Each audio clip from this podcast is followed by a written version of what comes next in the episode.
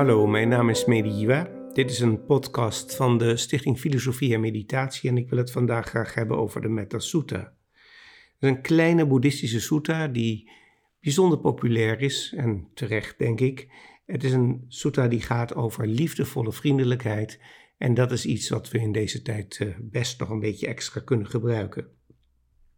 Het is een bijzondere sutta, want hij volgt eigenlijk het oude patroon van de Indiase sutras, zoals ze genoemd worden. En ehm, het is waard om te worden overwogen. Je kunt hem dagelijks gebruiken en hij is ook heel prettig om op te mediteren. Laten we eens kijken hoe het allemaal gaat. Ik denk dat het verstandig is dat ik hem eerst een keertje lees, zodat je vertrouwd raakt met de woorden. En dan kijken we of we nog een eh, paar kleine verdiepingslagen kunnen maken. De sutta begint als volgt. Als je werkelijk weet wat goed voor je is en je erop vertrouwt dat het mogelijk is om perfecte vrede te bereiken, weet dan dat je als volgt moet leven. Wees kundig, wees eerlijk en oprecht, wees zachtmoedig, vriendelijk sprekend en bescheiden. Wees tevreden en gelukkig met weinig verplichtingen en leid een ongecompliceerd leven. Zie toe dat je zintuigen tot rust zijn gebracht, wees bedachtzaam en beheerst en doe geen dingen die wijze mensen zouden afkeuren. Mediteer dan als volgt. Mogen alle wezens gelukkig zijn en veilig zijn. Mogen alle wezens gelukkig zijn tot in het diepste van hun hart. En denk aan ieder levend wezen zonder onderscheid. De zwakke en de sterke, de kleinste en de grootste. Degene die je kan zien en die onzichtbaar zijn. Die dichtbij leven en die ver weg leven. Wezens die nu leven of nog geboren moeten worden. Mogen al deze wezens gelukkig zijn tot in het diepste van hun hart. Laat er op niemand neergekeken worden en laat niemand ooit bedrogen worden. Laat niemand er boosheid of vijandigheid een ander wezen leed toewensen. Zoals een moeder haar kind met haar leven wil beschermen, ontwikkel een grenzeloos groot hart voor alle levende wezens. Ontwikkel een grenzeloos groot hart, vol vriendelijkheid voor het hele universum. En zend deze liefde, deze metta, naar boven, naar onder, in alle richtingen, zonder beperkingen en vrij van alle haat en vijandigheid. Of je nu op één plek verblijft of rondreist, of je nu zit of in bed ligt, in de uren dat je wakker bent, verblijf in dit heldere bewustzijn die men het verheven leven noemt. Op deze wijze kom je tot het punt dat je geen meningen meer hebt en op een natuurlijke manier zuiver leeft en je inzicht zuiver is. Laat het najagen van zintuigelijk plezier achter je en de cyclus van geboorte en dood stopt en je bent eindelijk volledig vrij.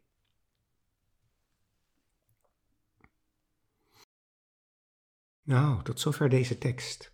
En die moet je even op je in laten werken. Die moet je voelen. Die mag je even helemaal proeven. Er zijn een paar bijzonderheden aan deze tekst. En wat ik zeg is helemaal niet gezaghebbend. Het zijn juist alleen maar interpretaties die je kunt overwegen. En je moet je eigen ervaringen opbouwen, je eigen inzichten opbouwen met deze sutta, niet die van anderen kopiëren. Maar juist in het begin is iets heel bijzonders aan de gang. Daar wordt een zin gezegd die in zoveel vertalingen op zoveel manieren wordt vertaald. En waarom dan? Nou ja, sommige mensen vinden het misschien niet zo interessant. Anderen hebben een duidelijke interpretatie. Maar ik denk hoe dan ook dat die heel bepalend is hoe je verder luistert naar deze sutta.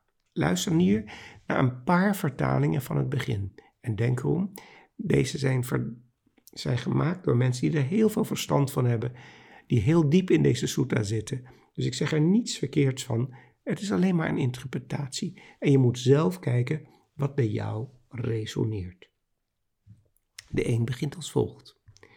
Wie op vaardige wijze naar het heil wil streven, naar de toestand van, van vrede begrepen te hebben, die moet.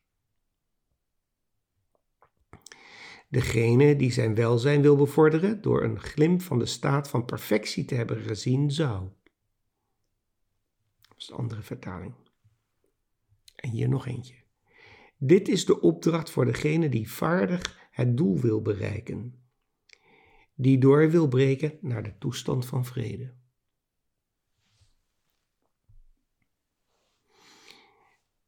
Nou, ik heb gekozen, maar dat is alleen maar een keuze voor de volgende vertaling. Als je werkelijk weet wat goed voor je is en je erop vertrouwt dat het mogelijk is om perfecte vrede te bereiken, dan zou je als volgt moeten leven. En ik hoop dat je voelt, zonder waardeoordeel, wat het verschil is tussen de verschillende entrees. En dit is de grondhouding van waaruit de met de sutta oprijst. Die is heel bepalend voor het vervolg. Hij kleurt als het ware de totale sutta. En daarom is het zo belangrijk. En dan volgt er een ethica. Dat is heel normaal. In alle geschriften gebeurt dat. In de Upanishads, in de Ashtavakra Samhita, al dat soort geschriften beginnen met een ethica. En je zou die ethica kunnen samenvatten als volgt. Weet wat goed voor je is.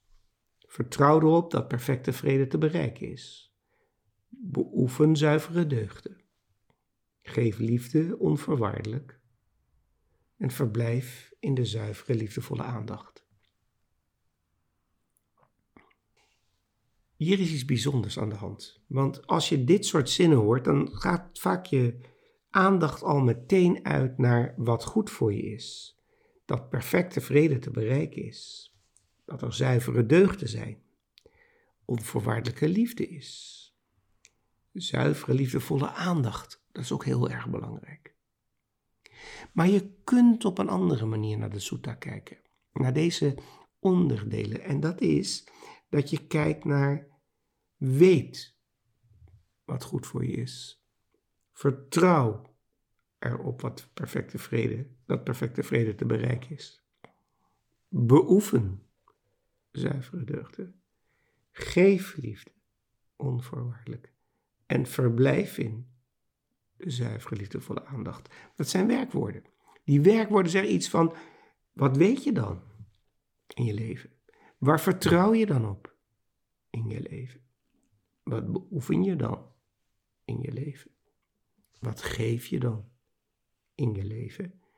En waar verblijf je normaal gesproken dan in je leven? Je mag zelf voelen wat het een doet en het ander doet. Er is geen goed, er is geen kwaad. Er is helemaal niks verkeerds aan, maar je mag het voelen. Dit is een spiegeling die je in de Metasutta tegenkomt. Een erg belangrijke, mijns inziens, waard om te worden overwogen. Want de Metasutta spiegelt je ook terug. Niet alleen wat je moet doen, maar hij spiegelt je ook terug. Waar sta je dan en hoe doe je dat dan in je leven en hoe gaat dat dan?